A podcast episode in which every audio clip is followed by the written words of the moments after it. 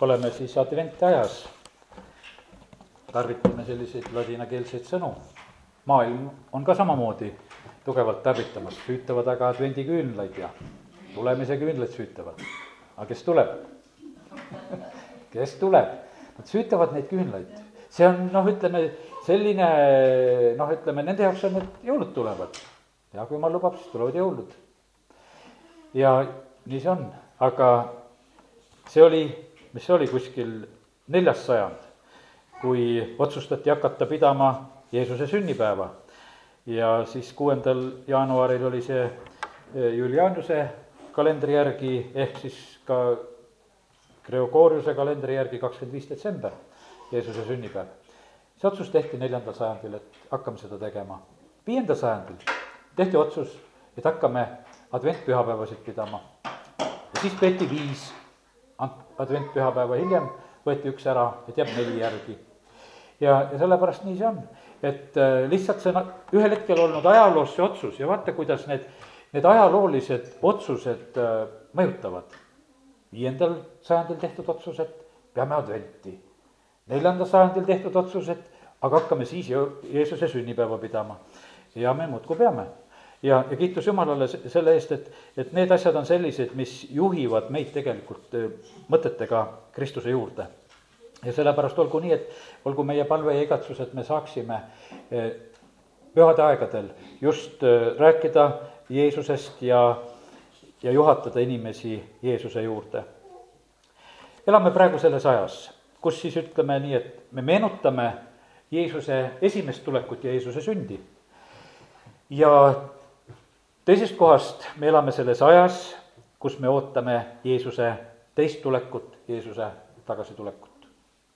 jumala sõna räägib sellest äh, nii kindlasti ja nii selgelt ja nii julgelt. see on aeg, kus kuulutatakse evangeeliumi kõigile rahvastele. see on, see on praegu kõige erilisem aeg, kus kuulutatakse evangeeliumi kõigile rahvastele. nii paljudele rahvastele ja sellisel moel noh, ütleme, ei ole olnud kunagi võimalik olnud evangeeliumi kuulutada, kui see on praegusel ajal. sest et kõik tehnilised lahendused ja asjad on tulnud selleks kaasa. kui me mõtleme televisioon ja raadio ja internet ja, ja, ja see oli, ei, seda näidet ei ütle mis siin möödunud sajandi alguses keegi, keegi tark ütles, aga ei ole mõtet neid rumalusi korrata. aga, sest need tehn-, tehnilised lahendused on sellised võimsad lahendused, mis noh, aitavad kaasa evangeeliumi kuulutamisele, mis lihtsalt jõuavad inimeste kodudesse, kui paljud inimesed saavad tegelikult praegusel ajal äh, salaja, privaatselt kuulata jumala sõna. Lähed internetti, teed lahti ja kuulad jutlust. Lähed internetti ja lähed kuskile koosolekule. inimesed kasutavad neid salajasi võimalusi, teinekord nad räägivad välja. ma mäletan seda, kui õhtuvalguse saated olid siin Ring FM-is ja ja ise ka käisin hästi palju kordi sellel perioodil, kus need saated olid, seal pühapäeva õhtuti seda väikest sõnumit ütlemas ja, ja siis oli nii mõnigi inimene täiesti erinevatest paikadest ja kohtadest siin selles linnas ja ümbruses, kes tulid ja ütlesid vaikselt, kuule, ma ka kuulasin. ah, tegin tööd, viskasin haamri nurka, sa hakkasid seal rääkima. ja, ja noh, jäin kuulama, et eh, mis sa räägid. ja noh, lihtsalt sellise kanali kaudu, lihtsalt sõnum jõudis ja sellepärast praegu on see aeg, kus jumal kasutab kõiki võimalusi selleks, et evangeelium jõuaks rahvasteni. nägime seda, kuidas Dmitri Makarenko käib Pakistanis, no läheb üks Ukraina mees, jumal rääkis, lähed Hiinasse, lähed sinna, kui ta päästetud saab. no tegelikult selline asi, et ta ei oska ise ka sellest mõista, üks, üks noor poiss Ukrainas lihtsalt, ainult ta käib ta teeb seda, inimesed tulevad päästmisele, saavad terveks. Kambodža, need paigad, riigid, kus ta liigub ja käib.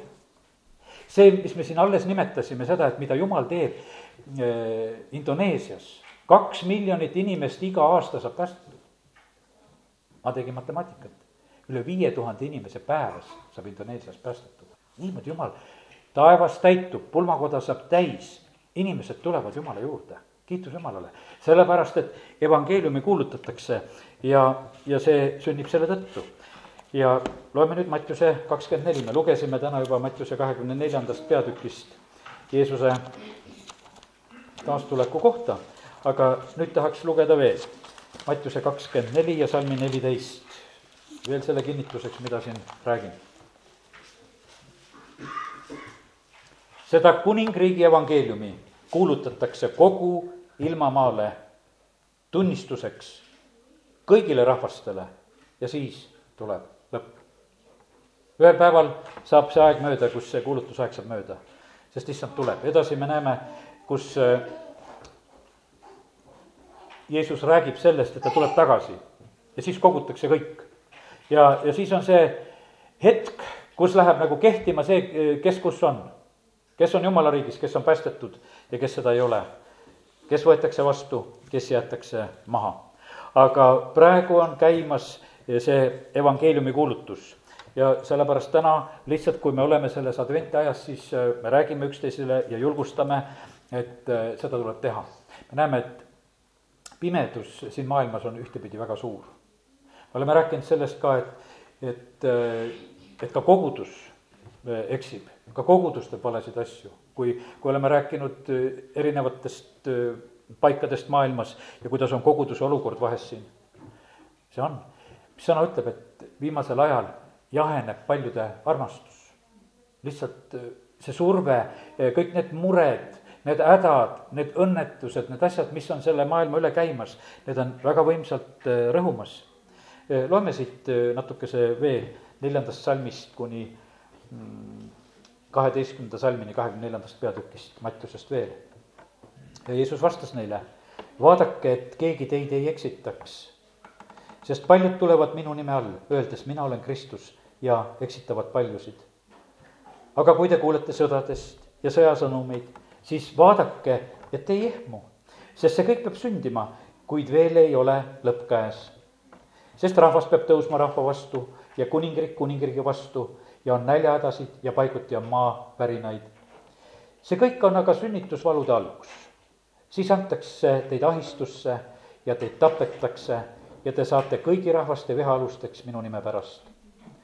ja siis pahanduvad paljud ja reedavad üksteist ja vihkavad üksteist.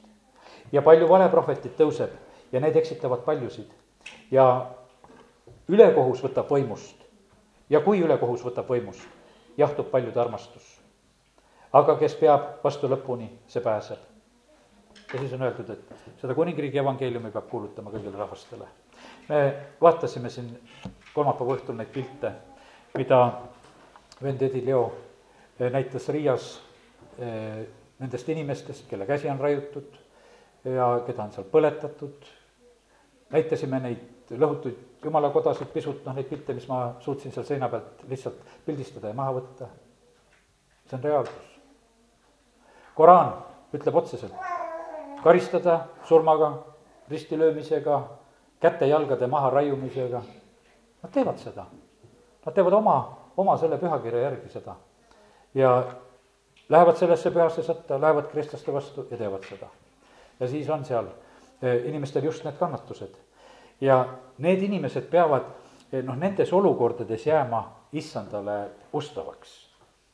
seal on väga selline noh, ütleme otsene kaup sinu füüsilise ihuga, sinu ihuliikmetega, sinu pere saatusega mis iganes, salga Jeesus ära, saad oma naise ja tütre tagasi. pead lahti ütlema seda ja sellepärast selliste, selliste pakkumistega ollakse. ja siis inimesed peavad tegema oma otsused, et Jeesus, sina oled kallim. sina oled kallim ja sellepärast see, mis toimub siin selles maailmas, on tegelikult väga terav, valus, selles on ahistust, tapmist, selles on vihkamist. siin on neid, kes hakkavad reetma üksteist ja vihkavad üksteist. ja, ja siin on palju eksitust ja kõike seda raskust. aga mis selle kõige keskel on? selle kõige keskel on see, et jumal valmistab oma kogudust. me ei tohi seda mitte hetkekski ära unustada, et pruutkogudus saab valmis ja seatakse Jumala ette püha ja laitmatuna. Need, kes tulevad suurest viletsusest ja on oma rüüd talle veres pesnud, need jõuavad eesmärgile ja kohale. kes on valmis, need lähevad pulma. loeme teise Timoteuse kirja äh, kolmanda peatüki esimesed viis salmi.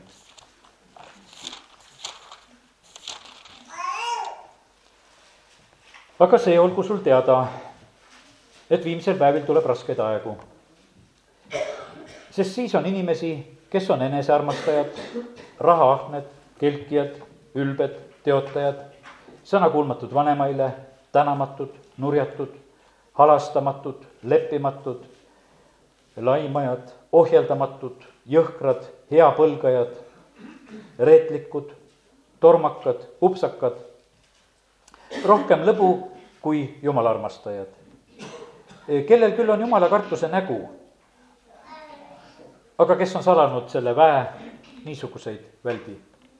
see väga kurb loetelu tegelikult puudutab ju jumala rahvast. see puudutab jumala rahvast selles mõttes, et kui Paulus kirjutab seda kirja Timoteosele ja räägib nendest asjadest, siis ta räägib, et viimsel ajal on need rasked ajad ja on inimesed, kellel on jumala kartuse nägu, aga nad on jumala väe salanud ja nad on tegelemas nii teiste asjadega. ja sellepärast see on tõsine hoiatus tegelikult, mida jumal oma sõna kaudu annab. ma vahest mõtlesin, ma lähen tagasi korraks sinna Mattiuse kakskümmend neli. minu jaoks on olnud see teatud mõttes nagu mõistatus, et, et mik-, miks see nii on, miks Jeesus nõnda räägib ja ütleb, aga nii on öeldud. ja see on Mattiuse kakskümmend neli, nelikümmend üheksa. aga loeme neljakümne viiendast. Kui Jeesus on rääkinud oma tagasitulekust, siis ta räägib sellise tähendamise sõna arukast ja arutussulasest. kes siis on ustav ja arukas sulane, kelle ta isand on seadnud oma kodakondsete üle neile parajal ajal elatist andma. õnnis on see sulane, kelle ta isand leiab tulles nõnda tegevat. tõesti, ma ütlen teile ta seab tema kogu oma vara üle. aga kui see sulane oleks halb ja ütleks endamisi, mu isand viibib ja hakkaks peksma oma kaassulaseid sööma ja jooma koos purjutajatega, siis selle sulase isand tuleb päeval, mil ta ei oota ja tunnil, mida ta ei, ei tea ning raiutab pooleks ja annab talle sama koha silmakirjatsetega, seal on ulgumine ja hammaste kiristamine. väga selline noh, karm tähendamise sõna, mida Jeesus siin räägib. ta räägib sulasest, kes täidab oma ülesannet ja räägib sulasest, kes ei täida oma ülesannet. ja, ja see, kes lihtsalt arvab seda, et, et mu isand viibib tulles, hakkab valesti käituma, hakkab äh, peksma oma kaaslasi, sööma, jooma purjutajatega. hakkab hävitama, neelama, olles purjus ma püüdsin lugeda, lihtsalt vaatasin, kuidas on teistes keeltes ja, ja kuidas on need kreekakeelsed sõnad, et mida see kõik tähendab, et kuidas see peksa andmine käib ja ja, ja see joomine ja, aga seal tuli välja, et, et selles on sellist hävitamist, selles on sellist neelamist ja selles on lihtsalt sellist joobnud olekut.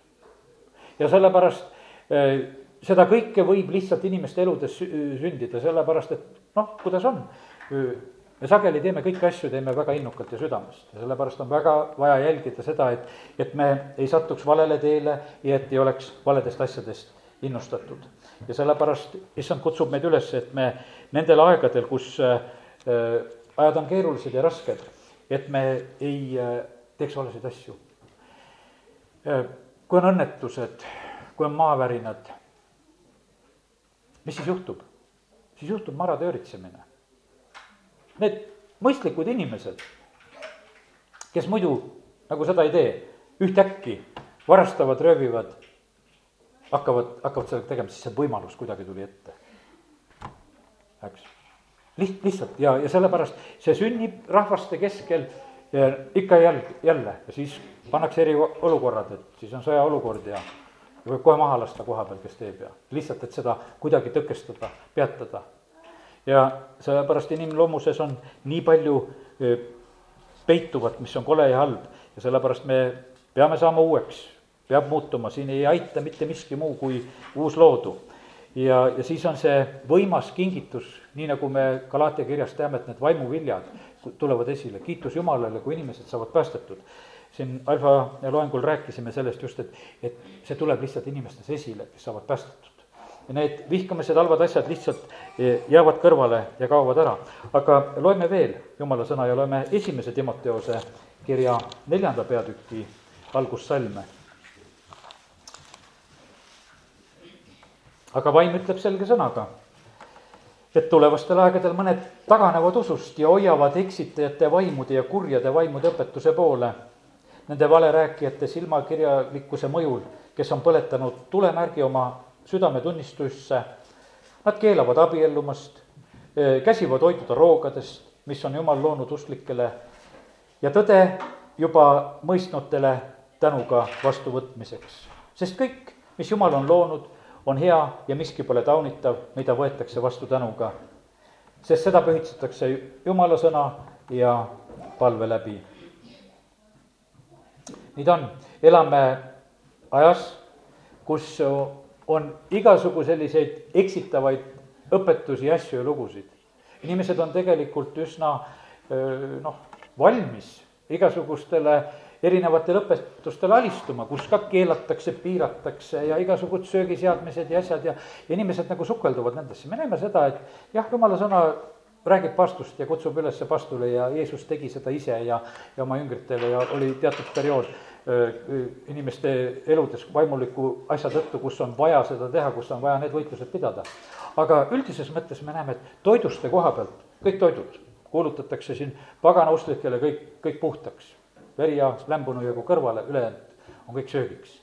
ja sellepärast, ja kui seda õnnistatakse ja palutakse, tuleb õnnistust paluda ja nõnda süüa.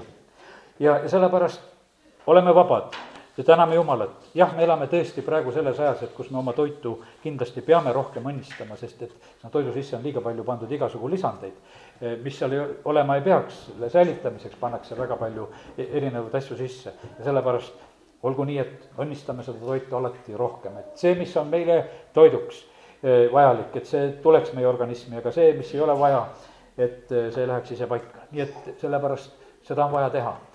Aga me näeme seda, et jumala sõna kutsub üles üsna normaalsele elule tegelikult. siin oli nimetatud seda, et mõned keelavad abiellumast ja, ja vahest on nende asjade ümber igasugu mõtteid ja teemasid.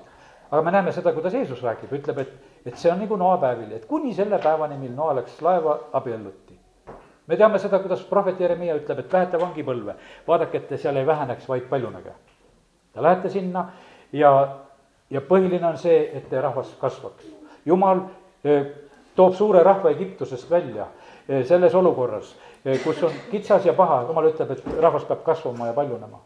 Kuidas rahvas tavaliselt käitub kitsastes olukordades, kitsastes olukordades on selline noh, et, et mingisugune saatana mõtteviis tuleb sedasi, et see aitab, et kui, kui on, rahvast on vähem. Ja, ja sellepärast inimesed nagu tahaksid nagu eelkõige oma elule ja asjale mõelda, aga kallid, jumala mõtteviis on teine, et ei, tema tahab õnnistada, ta saab igas olukorras õnnistada, igas paigas, igas kohas. ja, ja sellepärast täna ka, kui me loeme jumala sõna, siis äh, ärme, ärme võtame neid maailma mõtteviise, vaid võtame need, need juhised, mis on äh, jumala sõnas. jumal tahab, et äh, esimese Thessalonika viis kakskümmend kolm, nüüd loeme sellise salmi.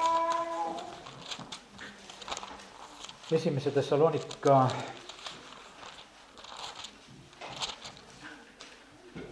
viis kakskümmend kolm on öeldud.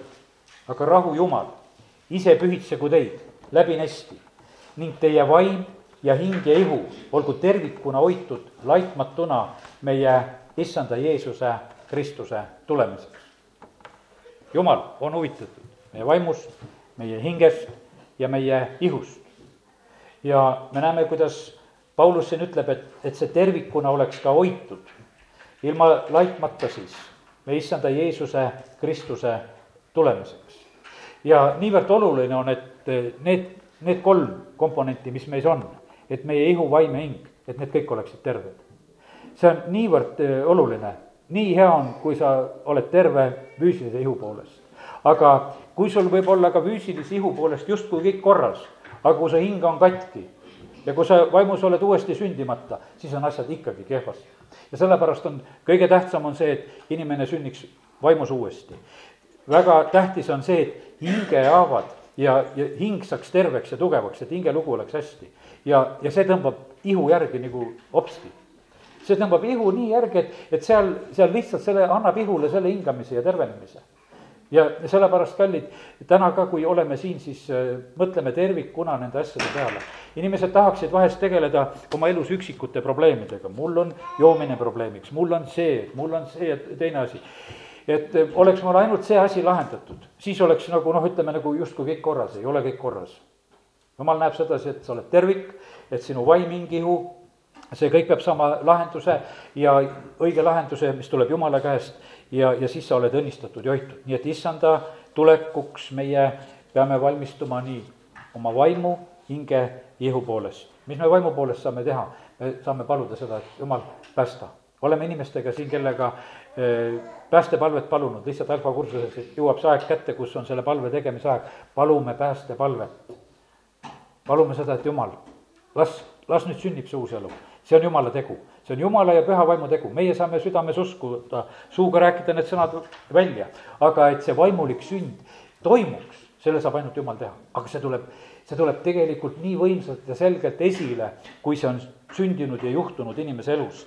ja sellepärast on nii tähtis, et, et me juhiksime inimesi selle juurde, et see asi peab sündima. meie ei, no ei kasvata lihtsalt viisakaid inimesi siin, et ja sellepärast, et sageli tahetakse, et et kristlus jäetakse sinna kuskile eetika mänguväljadele. et eh, tegelege nende asjadega, mis oleks siis nagu eetiliselt õige ja vale ja see maailm niikuinii ei taha seda eh, kristluse õpetust vastu võtta ja paneb niikuinii oma.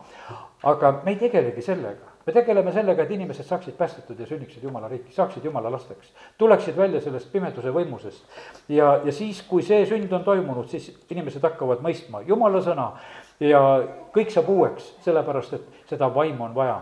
meil peab olema üks vaim Jumalaga ja sellepärast kiitus Jumalale, et, et Jumal on seda tegemas. ja ta teeb seda kõigi rahvaste hulgas praegusel hetkel. loeme Vana-testamendi Jesaja raamatu kuuekümnenda peatüki esimesed kolm salmi ja loeme sealt siis mõned just Jesaja raamatu kohad ka.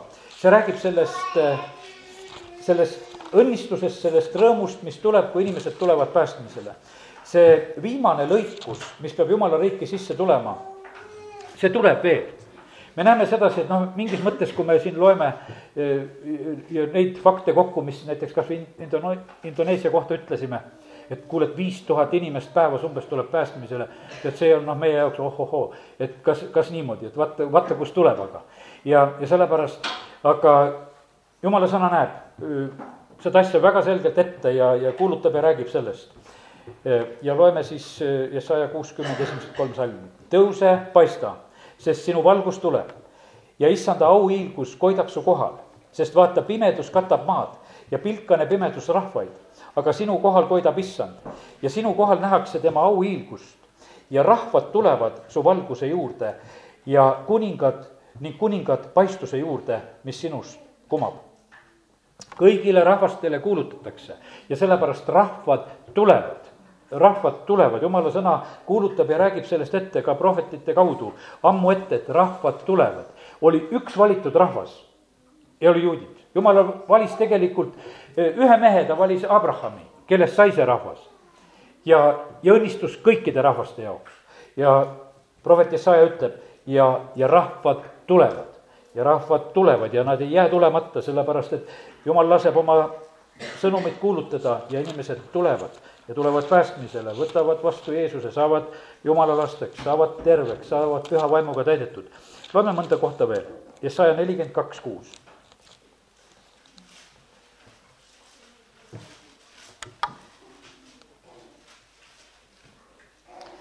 mina, issand, olen õigusega sind kutsunud ja kinnitan su kätt.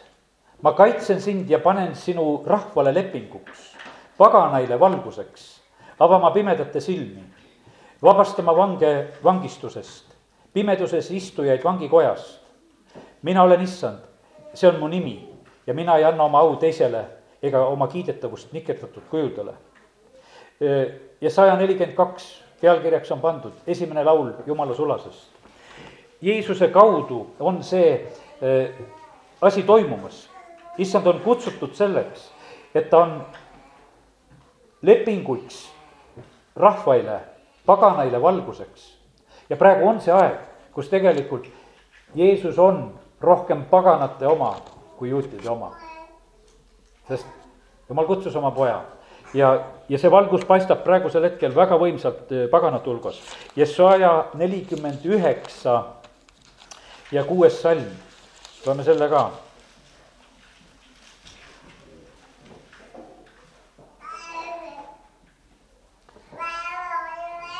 sellest on vähe, et sa mu sulasena taastad Jaakopi suguharud ja tood tagasi Iisraeli jäägi. ma panen sind paganaile valguseks, et mu pääste ulatuks ilmamaa ääreni. sellest on vähe.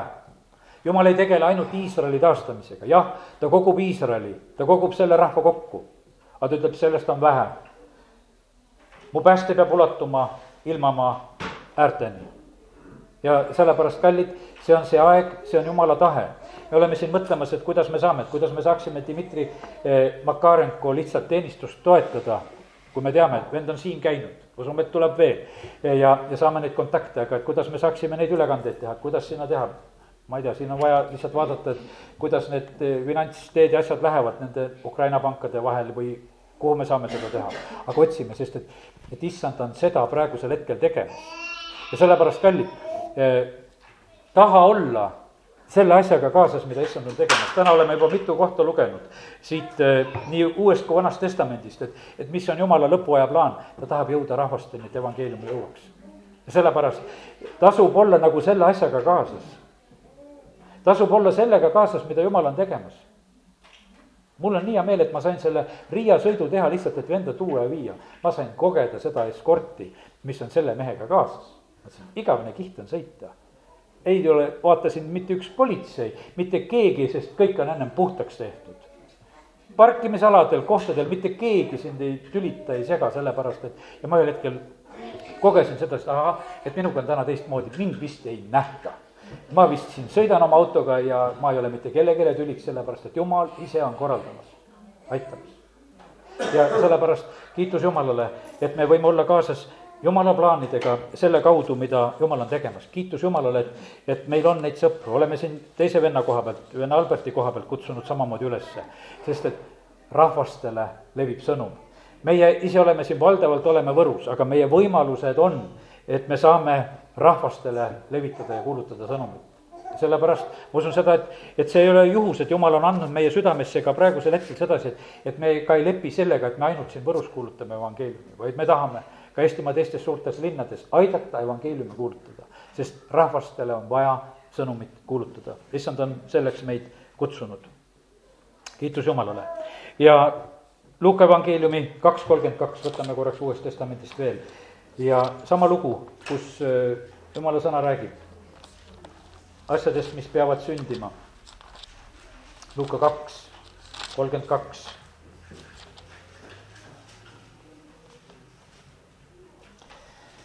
ja see on siis, kui Simeon on Jeruusalemma templis ja pisikene Jeesus tuuakse sinna ümberlõikamiseks. loeme sealt need Siimona sõnad, kakskümmend üheksa sealt edasi. issand, nüüd sa lased oma sulasel lahkuda, rahus oma ütlust mööda, sest mu silmad on näinud sinu päästet, milles oled valmistunud kõigi rahvaste silme ees valgust, mis on ilmutuseks paganaile ja kirkust sinu rahvale Iisraelile. paganate võimalus tuli eriliselt Jeesuse Kristuse kaudu. see tuli eriliselt Jeesuse Kristuse kaudu. see kaks tuhat aastat nüüd, mis meie elame peale Jeesuse sündi, see on tegelikult eriline meie, meie õnnistus, kiitus Jumalale selle eest. ja sellepärast lihtsalt täna eh, julgustame üksteist, et oleme ustavad, teeme kaasa, mis iganes saame. ja ma lõpetan need selle teema salmid praegusel hetkel, ma vaatan, kas ühe salmi loen veel, Jesaja raamatust, Jesaja kuuskümmend ja esimene salm. issand jumala vaim on minu peal, sest issand on mind võitnud, ta on mind läkitanud, viima rõõmusõnumit alandlikele, parandama neid, kel murtud süda, kuulutama vabastust vangidele, avama pimedate silmi. issand teeb seda ikka Jeesus, kui ta algas seal ja Natsareti sünagoogis oli, siis samamoodi ta kuulutab ja räägib, et see asi on alanud ja see puudutab nii võimsalt kõiki pagana rahvaid. kiitus Jumalale selle eest. jah, nüüd äh, mõtleme veel lihtsalt läbi äh, selle viimase aja sellised momendid. rahvastele, rahvastele kuulutatakse evangeeliumi. see paneb inimesed valiku ette. Rahvast üle kord mõistetakse kohut selle järgi, kas äh, nad on Jeesuse vastu võtnud või mitte. see käib linnade kaupa, mõnel linnal on hõlpsam põli, teisel ei ole nii hõlbus. kus on paremini kuulutatud jumala sõna, seal on rahva vastutus suurem. kuhuni evangeelium on vähem jõudnud, seal on, sellel linnal on hõlpsam põli. Jeesus niimoodi räägib. ta saab väga hästi aru, mis on juhtunud Võrus, mis on juhtunud Tartus, mis on juhtunud Valgas igas linnas ta teab, milline on seis, kui selgelt, kui hästi, millised sulased käisid, kuidas, mis asi oli, milline oli sinu võimalus, kas kutsuti, kuidas asjad on läinud. ja sellepärast evangeeliumi vastuvõtmine on tegelikult selleks väga oluliseks näitajaks, mis puudutab rahvaid kord ka just viimases kohtus. jumal on väga õiglane ja Mattiuse kümme, neliteist, viisteist on öeldud niimoodi. ja kus iganes teid ei võeta vastu ega kuulata teie sõnu, sellest majast või linnast minge välja ja raputage maha selle koha tolmu oma jalgadelt. tõesti, ma ütlen teile, Soodomal ja Gomorral on kohtupäeval hõlpsam põli kui sellel linnal. Jeesus läkitab oma jüngrid välja ja ütleb, et, see on proov kõikidele paikadele ja kohtadele. loeme siitsamast veel Mattiuse kümme kakskümmend kaks, mis on öeldud. ja te saate kõikide vihaalusteks minu nime pärast, aga kes peab vastu lõpuni, see päästetakse.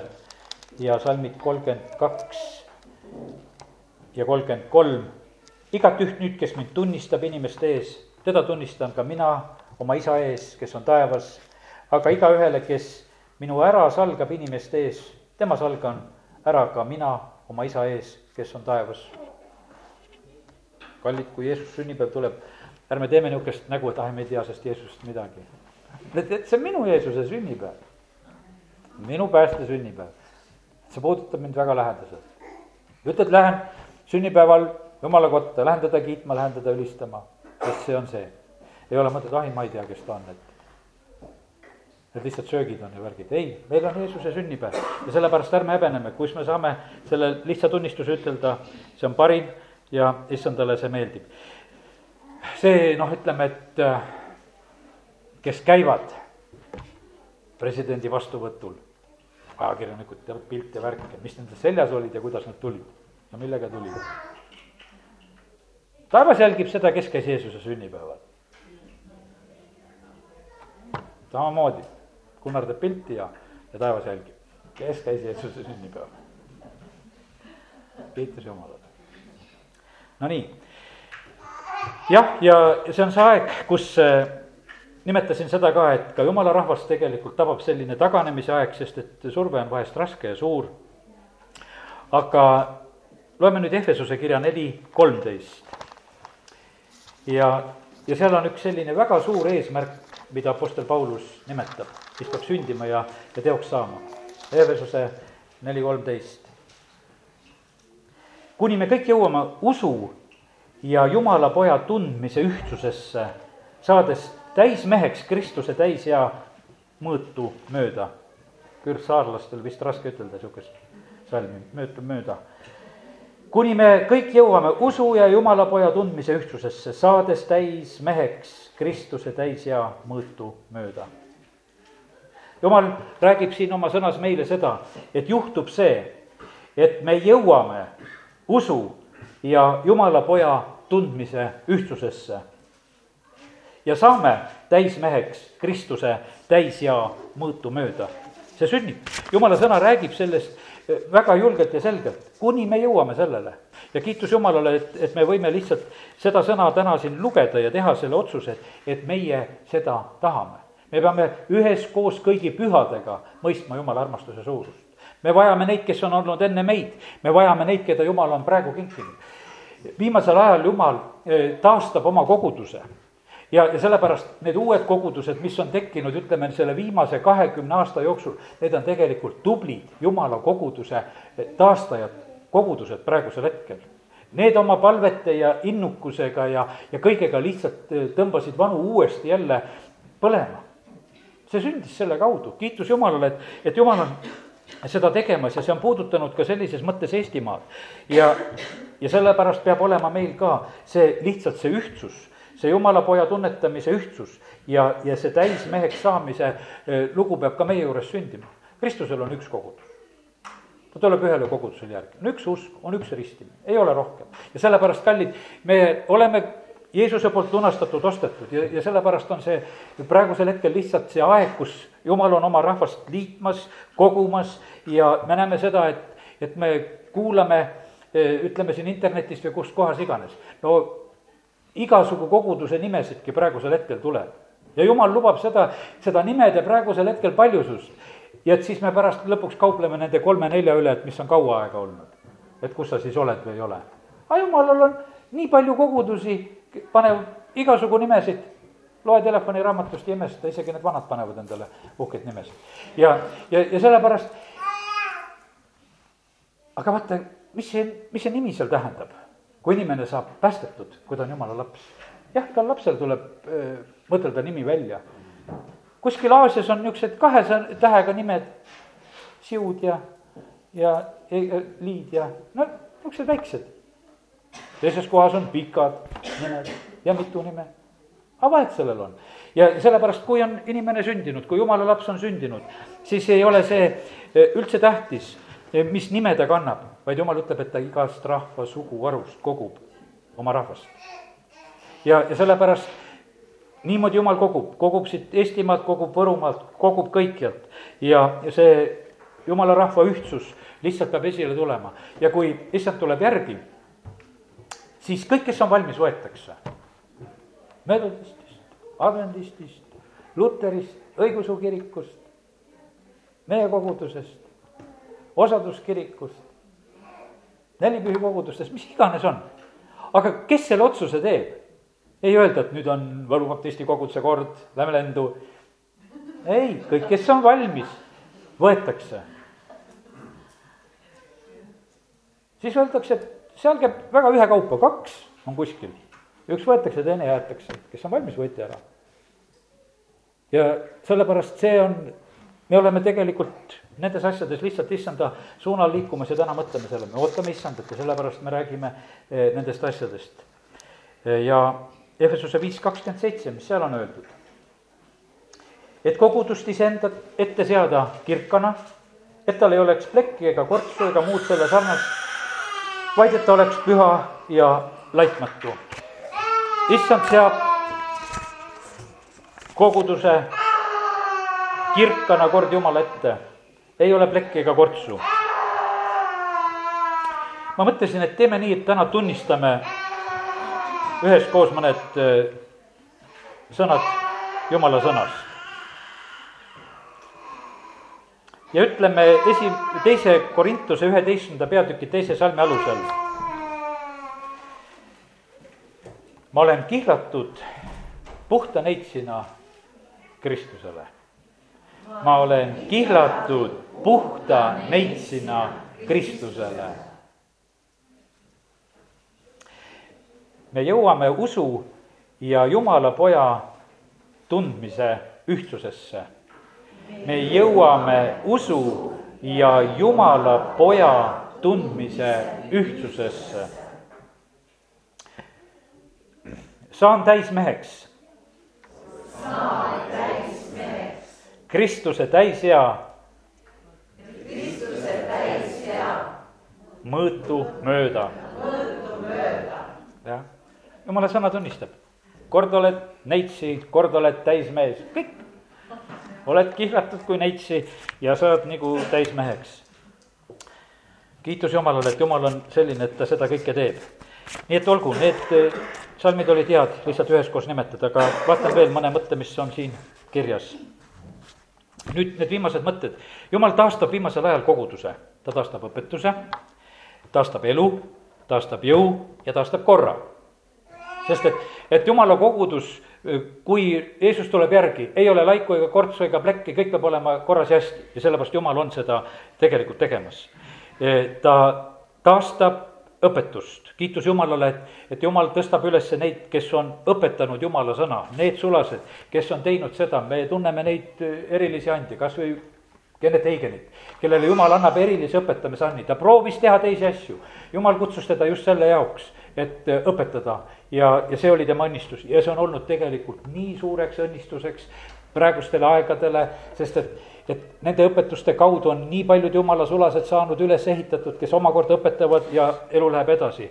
ja jumala sõna tõstetakse eh, täiesti autoriteetseks, sest et on olnud need sajandid, on olnud need ajad, kus tegelikult jumala sõna on lahjendatud, kus on, kus on räägitud, ah, ei tasu seda kõike uskuda. kõik need valgustusajad ja asjad, mis siit on üle käinud, need on inimmõistuses teinud palju sellises mõttes halba ja sellepärast jumala sõna tuleb taastada au sisse ja, ja seda tuleb julgelt õpetada. jumal tahab taastada ka koguduses elu ja, ja koguduse elu, mul on hea meel, et äh, saime siin nädala sees jagada ka seda kolmainsuse õpetust, et, et äh, mida vend Edi Leo Riias jagas, ta ütles, et, äh, et see on see, et nii nagu, et see jumallik mudel on, nii nagu isa, poeg, püha vaim on elamas omavahel. austus, selline üksteise mõistmine, et see on see jumallik mudel, mis peab olema ka jumala rahval kus me armastame üksteist, selles tunnevad kõik, et me oleme tema jüngrid, kui meil on armastus isekeskis. see puudutab seda, et, et me oleme tegelemas nende inimestega, kes on meie ümber. me ei saa kuidagi vaadata oma õest ja vennast mööda, kui me näeme, et keegi on vajaduses. ja Koobuse kirik räägib sellest väga selgelt, et, et usk ilma tegudeta on surnud, kui me ei aita, kellel on va-, abi vaja. ja samamoodi, kellel on puudus käes Paulus kirjutab Efesuse kirjas, et, et see tehku tööd, et tal oleks jagada, kellel on puudus. sõna ütleb õpetuse sõnades juba, et kes alastab kehva peale, see laenab issandale ja, ja issand tasub talle ta hea teo. ja, ja sellepärast see moment, et kuidas meie inimestena lihtsalt elame, jumal ootab seda, et, et me Kristuse kogudusena oleksime elamas siin selle maailma keskel. ja paneksime tähele oma õdesid-vendasid ja et eelkõige oleks see selline elu mõte, et me märkame üksteist et me arvestame üksteisega ja kiitus Jumalale. ja Jumal taastab koguduses jõu, püha vaimu väe, see on niivõrd oluline ja tähtis, kui me rääkisime eh, siin nädala sees, ma tuletan neid lihtsalt meelde, et, et seaduse laekas, mis seal on, seal on kuldkaus mannaga, Aaroni kepp ja käsulauad. Et need kolm asja, manna sümboliseerib Jeesust, kepp eh, püha vaimu väge ja käsulauad Jumalat ja tema sõna ja sellepärast need asjad peavad kõik oma koha peal olema. see jumala vägi on niivõrd tähtis ja oluline tegelikult, et inimesed saavad seda siin selles eh, maailmas kogeda. alati, kui eh, jumal midagi teeb, ta ilmutab oma väge toob Egiptusest Iisraeli välja, ta ilmutab oma väge seal, teeb imesid, tunnustähti. ja sellepärast on see, see ka see aeg, kus jumal tegelikult teeb imesid ja, ja tunnustähti. ma vaatasin veel eilsel päeval või üleeile või vist, kus ma vaatasin seal vend Dmitri seda Pakistani eh, klippi, mis ta tegi selle kohta, seal, kuidas üks, üks naine, kes saab nägijaks, kellel on väga noh, rängad prillid, väga suurte suurendusklaasidega prillid, kuidas siis Dmitri paneb need prillid endale pähe ja ma vaatasin, et ja see naine vaatab ja naerab. tähendab, näeb. tähendab, näeb, ime on sündinud sest et kui ta selline prillikandja oli, siis ta tühjagi ei näeks ilma nende prillideta seal naerda. aga ta nägi, et tema prillid selle mehe peas, kes mitte midagi nende prillidega ei näe. aga tema näeb, kiitus Jumalale. ja, ja sellepärast see jumal taastab selle jõu ja väe ja need ilmingud väga selgelt ka koguduses, kiitus Jumalale selle eest. jumal taastab ka seda jumalikku korda, mis on vaja ja vend Edi Leo tõi ka selle näite, ta tõi e, Moosese raamatust kaks näidet. ja teise Moosese kaheksateist. Moosesel tuleb äi, tuleb külla. äi vaatab, kuidas tema väimes elab ja siis e, annab ühel hetkel nõu talle, ütleb, et kuule, mis sa ennast niimoodi väsitad. Moosese äia külaskäik, teise Moosese kaheksateistkümnendas peatükis. ja mis siis äi teeb, ta annab nõu, ütleb, et kuule, et ära sina niimoodi seda rahvast teenenda, sellepärast et rahvas tuli e, Mooses ette ja päev otsa seisid järjekorras ja Mooses mõistis nende vahel seal kohut ja õigust ja, ja aga nüüd, kus siin on öeldud, kahe, kolmteist salm selles kaheksateistkümnes peatükis, et järgmisel päeval, kui Mooses istus rahvale kohut mõistma ja rahvas seisis Moosese juures hommikust õhtuni, ei näeb seda ja lõpuks ta annab talle nõu, et vali endale neid tublisid mehi ja, ja pane siis neid rahvajuhtideks, kakskümmend viis salm, mis siis Mooses lõpuks teeb. ta valis tubliseid mehi kogu Iisraelist, pani nad juhtideks, rahvale pealikuks, iga tuhande, saja ja viiekümne ja kümne üle.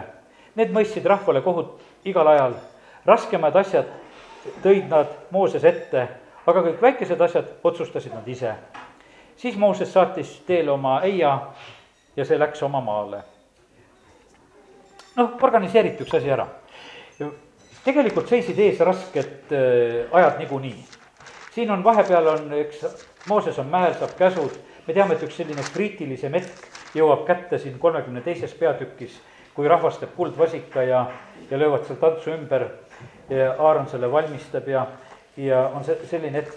ja me näeme, et, et ega eriti nagu sellest äh, komplektist, et need seal, neid pealikke pandi seal äh, iga viiekümne, kümne ja, ja kõigi tuhande ja nende üle, et ega sellest eriti nagu abi ei olnud. sest et rahvas eh, elas ja käitus eh, nii, nagu nad olid ja, ja vend Edi Leo ütles selle koha pealt ka, ütles, et, et see oli üsna inimlik nõuanne, mis tuli Moosesele sellel hetkel. me teame, et ühel hetkel on üks teine nõuanne, mida jumal annab Moosesele ja ta ütleb, et võta endale seitsekümmend meest. ja see on neljas Mooses üksteist neljas Mooses üksteist, kus ta räägib sellest, et võta, võta need seitsekümmend meest. ja, ja see oli Jumala poolt räägitud asi. ja selles oli üks väga oluline selline muudatus ja, ja asi üldse. see on selline kriitiline hetk jälle Iisraeli elus. Nendel on äh, väga liha järgi isu, nad tahavad lihtsalt lihatoitu rahvas lausa nutab sellepärast, et nii tahaks liha. Mooses kuuleb rahvast nutvat, on äh, neljas Mooses üksteist kümme suguvõsade kaupa, igaüks oma telgi ukse ees. Mooses, mm, issanda viha süttis väga põlema siin äh, ka ja see oli Moosese silmis paha. ja Mooses ütles issandale, miks sa oled teinud paha oma sulasele, miks sa ei leidnud ar-, äh, miks ma ei leidnud armu sinu silmi, silma ees et paned kogu selle rahva koormaks minu peale. kas olen mina kogu selle rahva pärast olnud lapseootel või olen mina tema sünnitanud, et sa ütled mulle, kanna teda süles, nagu hoidja kannab imikut maale, mille sa vandega tõotasid anda tema vanemaile. Me näeme, et, et siin ei ole juttu ei nendest tuhande pealikest, ei kümne pealikest, ei viiekümne pealikest, ei kellestki, vaid Mooses on ikkagi, ütleb sedasi, et kuule, miks mina seda pean kandma ja ta ütleb, et eh, rahvas küsib liha süüa. kus on, on mul liha anda kogu sellele rahvale, sest nad nutavad mu ees, öeldes, anna meile liha süüa. ei jaksa mina üksi kanda kogu seda rahvast, sest see on mulle liiga raske. kui sa tahad mind kohelda nõnda, siis parem tapa mind, kui ma leian armu su silmis, et ma ei näeks oma viletsust. Mooses on tegelikult nii väsinud sellest olukorrast, mis on. aga issand ütleb siis Moosesele kogu mulle seitsekümmend meest Iisraeli vanemaist, kellest sa tead, et nad on tõesti rahva vanemad ja ülevaatajad. too need koguduse telgi juurde, et nad seisaksid seal koos sinuga. jälle läheb jutt nende peale, et otsi nüüd, kellest sa tõesti tead, et nad on nende kümnepealikud ja, ja viiekümne pealikud ja tuhande pealikud, et nad on nagu seda päriselt. vali nende hulgast ainult seitsekümmend ja too need koguduse telgi ukse juurde siis ma astun alla ja räägin seal sinuga. ja ma võtan sinu peal oleva vaimu ja panen nende peale, et nad koos sinuga kannaksid rahva koormat ja et sinul ei oleks vaja üksinda kanda. Seal oli väga teistmoodi lugu, üks vaim. jumal ütleb, ma võtan sinu pealt ja ma panen nende peale. kõik ristiti Moosesesse pilves ja sellepärast, eks see jumala rahva selline ühtsus läheb ka seda liini pidi, et, et me peame olema kui on kogudus, et need asjad oleksid sedapidi nagu korras. et oleks selline jumalik kord, mida jumal korraldab ja teeb. ja me ei pea, noh, me elame siin maailma keskel, kogudustega pidevalt oleme nagu selles olukorras, et ühtepidi meil on mingid MTÜ põhikirjad ja asjad ja teistpidi on meil jumala sõna. ja kogu aeg lahendame neid nagu kahe vahel neid asju ja nad mõlemad kehtivad, MTÜ ja need põhikirjad ja riigiseadused kehtivad siin, selles riigis, kus oleme. ja, ja jumala seadus kehtib kõikjal ja meie kõikide üle. ja sellepärast nii, nii, nii need lood on. ja, ja need asjad ja need maised seadused on samamoodi niivõrd tähtsad, tuleb meelde see Erlo Stegin ja tema need raamatud, mis ta kirjutas seal Aafrika olukordadest, et, et ühes seal Aafrika lihtsalt paigas oli niimoodi, et ühest majast jooksis piir läbi. ja siis oli niimoodi, et see maja ühes otsas, nad võisid koosolekut pidada, sest selle, selle osariigi seadus või ütleme, ei keelanud seda teha. ja siis on siit see piir ja seal ei tohi. Noh, nagu on üks maja, noh, siin tohib, aga seal ju ka kuuleb. et ma siin tohin rääkida, seal ei tohi rääkida, oled selle piiri taga Need on inimeste seadused ja sellepärast nii me oleme nende keskel, aga kallid, meil on nii tähtis, et eh, kui jumal on taastamas ka kogudust viimasel ajal, et eh, meil tuleb eh, lihtsalt saada korda ka nendes, selles jumalikus korras, kuidas on. ja kuidas on jumala kord? Efesuse kirja neljanda peatüki üksteist ja kaksteist salm, loeme sealt. see jumalik kord, jumalal on väga selgelt pandud asjad paika, kes, kes tema koguduses asju ajavad. Efesuse neli, üksteist, kaksteist. tema on see, kes on pannud mõned apostleiks, mõned prohveteiks, mõned evangelistideks, mõned karjaseiks ja õpetajaiks, et pühi inimesi valmistada abistamise tööle Kristuse ihu ülesehitamiseks. jumal on see, kes paneb mõned apostliteks, mõned prohveteiks mõned evangelistideks, mõned karjasteks ja õpetajaks. jumal tarvitab kõiki neid, seda viite sellist teenistust, apostleid, prohveteid, evangeliste, õpetajaid, karjaseid ja sellepärast igal, igal sellel jumala annil on tegelikult niivõrd oluline tähtsus. ja ma vaatan, kas ma leian selle, kuidas siin vend Edi Leo seal Riia koosolekul jagas mõtteid, ma mõne asja ütlen siit. ta ütles niimoodi, et kui on hoonet vaja ehitada, siis on vaja teha neid viite tööd. meid ehitatakse jumala eluasemeks vaimus, nii nagu eh, Efesuse kiri seda õpetab. ja evangelistid on need, kes toovad materjali evangelistid on need, kes, kes äh, õpetavad teisi evangeliseerima. me kõik peame tegelikult olema sedapidi, et, et kuidas seda teha. ja kui tuleb evangelist, siis temal on tegelikult noh, ütleme selles valdkonnas teadmine. see, ütleme äh, kui Dmitri käis siin nüüd, kui lihtsalt tuleme selle juurde, kui tema käis siin näiteks praegu Eestimaal, siis tal on väga selge pilt sellest, et mis siin on toimunud ta saab aru isegi sellest, kui ta tuleb koosolekule, et, et kui palju siin on ettevalmistustööd tehtud või ei ole. tema lihtsalt oma kogemusega ta hindab, et ta ütleb sedasi, et kui te nii palju inimesi kutsute, siis tuleb nii palju kokku. kui te seda teete ja sellepärast ta, ta tuleb ja vaatab üle selle rahva ja ta saab sellest aru, ahah, siin tehti tööd. et need inimesed, kes tulid kokku, see tähendab, et, et neid kutsuti, siin tehti. ta läheb teise kohta, kus ei ole tööd tehtud, seal inimesed kokku ei tule eks. aga see, see käib, evangelist oma selle kogemuse pealt õpetab teisi, et kuidas asjad käivad. ta ütleb, et kuidas te tahate, kas te tahate, et inimesed tulevad, siis me peame tegema seda ja seda tööd nii palju, siis me saame selle kätte. ja, ja sellepärast ta teab seda, ta tunneb oma tööd ja, ja ta teeb seda. ja sellepärast e, väga tähtis töö on Kristuse koguduse juures, et, et toimub see evangeelne töö ja ke-, kelle kelle jumal on selleks eriliselt kutsunud, need oskavad ka teisi selles õpetada. ja see evangeeliumi tase jääb koguduse tasemele, see jääb noh, ütleme, see jääb väikegruppide tasemele, see peab igal pool olema selline, et noh, et, et sedasama asja kõikjal kogu aeg tehakse ka, et evangeeliumi kuulutus on. siis järgmine eh, on õpetamise, et ta on mõned seadnud ka õpetajaiks. Eh, võtame selle ja õpetamise töö on väga oluline, et õpetada jumala sõna ja ja see hakkab korda saatma meie juures seda, mis on vaja.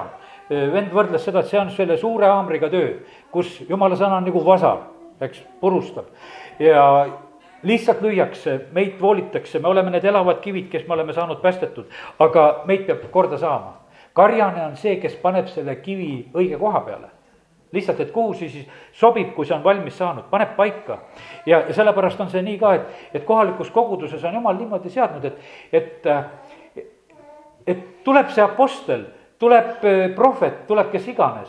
aga kui ta tuleb sellele territooriumile, kus on, kus on üks karjane, siis ta tuleb ja alistub sellele.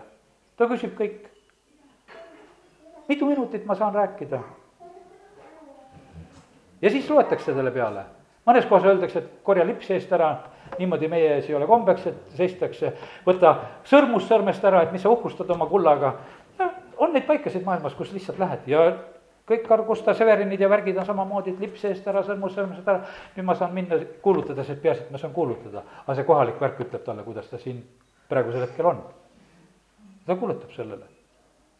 ta ei saada seda kuskile nagu tühiselt kõrvale, et seda pole tarvis ja, ja sellepärast jumal tarvitab igat, igat seda andi ja siis on see karjane, kes paneb kõik asjad paika ja vaatab, et koha peal oleks see, see kord olemas. Apostel, mis tema käes on? Apostli käes on? Joonis, mis on jumala käes, see suur pilt, mis peab äh, nagu sündima. Ja Apostel Paulus oli samamoodi. Sellepärast on niimoodi, et, et kui me teeme piibli tagant lahti, siis meil on joonistatud need kaardid, et Apostel Pauluse missioonireisid, esimene ja teine ja, ja kolmas missioonireis, sest temal oli kaart ja tal oli pilt, ma lähen sealt sinna, siis ma lähen sinna, siis ma lähen sinna, siis ma lähen kuulutan seal ja ma tulen. ja temal on see suur pilt, et mida peab tegema. seavad seal kohapeal eh, vanemad paika ja ta läheb ja liigub edasi ja sellepärast apostlite, prohvetite alusel on kogudus rajatud. ja, ja prohvet on see siis, kes käib ja tuleb ja nuusutab, et kuidas asjad on kas on asjad korras, kas midagi kärssab, kas midagi on varastatud, kas midagi on valesti, mis on tehtud. Prohvet tuleb, vaatab selle asja üle ja julgustab ka, kui on tarvis.